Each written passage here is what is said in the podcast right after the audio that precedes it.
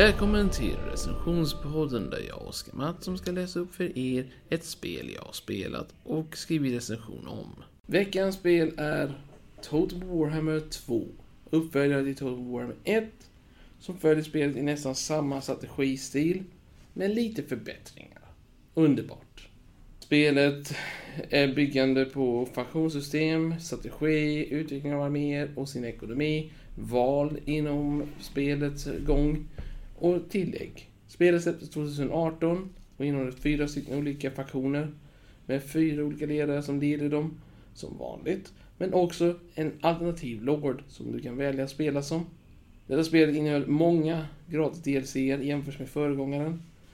Men alla innehöll en eller bara ett par Lords eller Heroes som du kunde ha till.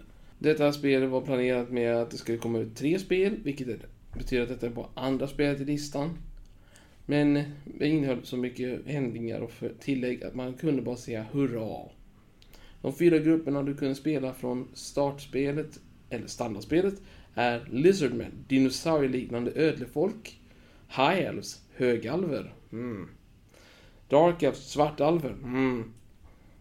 och sist men inte minst Skaven, råttfolket. Ja, yeah. råttfolk. Spelet skapade är följande. Det följande är Created Assembly och Sega är utgivarna. Men eh, nog om det och gå tillbaka till spelet i sig. Spelet innehöll jättemånga delserier. Men jag kommer att nämna bara några. Som Queen of the Crown, Skuggornas Kung, Tomb Kings och många, många mer.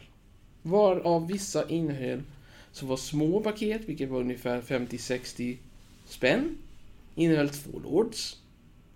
Och vissa som innehöll för över 200 kronor, eller 20 euro. Det följande var till exempel Toon Kings.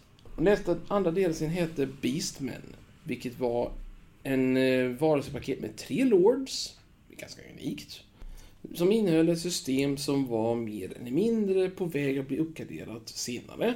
Men vid denna tidpunkten så var det att du var en hård faktion en eh, armé som bygger på att du ska härja runt, förstöra, riva sönder, men inte sätta ner dina rötter någonstans.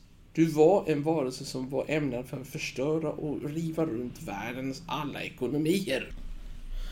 Vi hoppar vidare tillbaka till huvudspelets faktioner. Vi kommer försöka nu prata om till exempel Lizardmen. Lizardmen är ödefolk som är det låter som att de är brutala och monstruösa, men de är faktiskt de mest vänligaste varelserna du kan vara med om.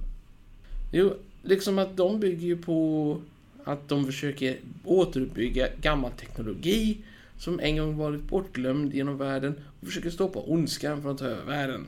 Det är deras, det är deras nisch.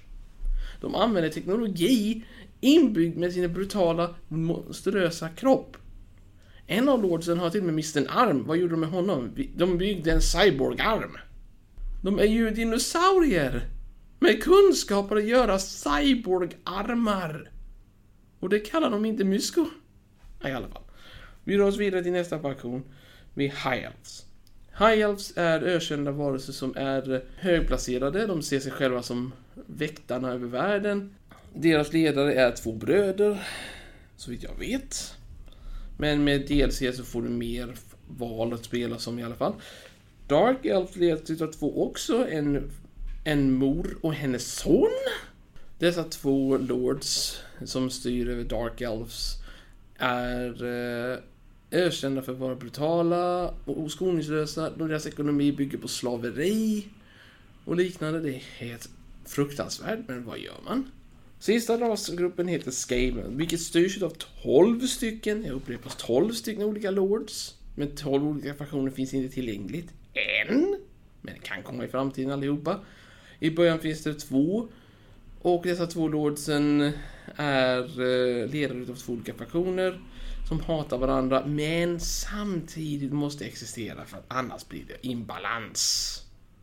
Skaven är ökända för att vara brutalt eh, inriktade. De äter sina egna som de behöver, men de äter andra hela tiden. Du vet, råttliknande varelser. Tänk på det. Råttliknande. Jag tänker nog nämna också med vad eh, Tomb Kings är för något lite snabbt. Ni tänker väl araber? Nej, ännu värre. skelett.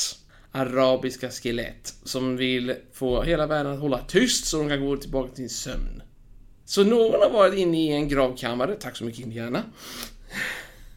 Eller något liknande, ni förstår vad jag menar. En gravplundrare tar sig in i deras, gruv, deras gravkammare, tar någonting och väcker en hel armé med fruktansvärda Tomb Kings. Detta blev bara ännu värre och ännu värre eftersom att varje DLC förändrar, lägger till eller förändrar faktionens spelsätt lite här, lite där och blandar ihop det igen som i en gryta. Och när jag säger detta så tänker jag faktiskt nämna Greenskins igen, för nu tänker jag tänk, nämna The Warden and the Pounce.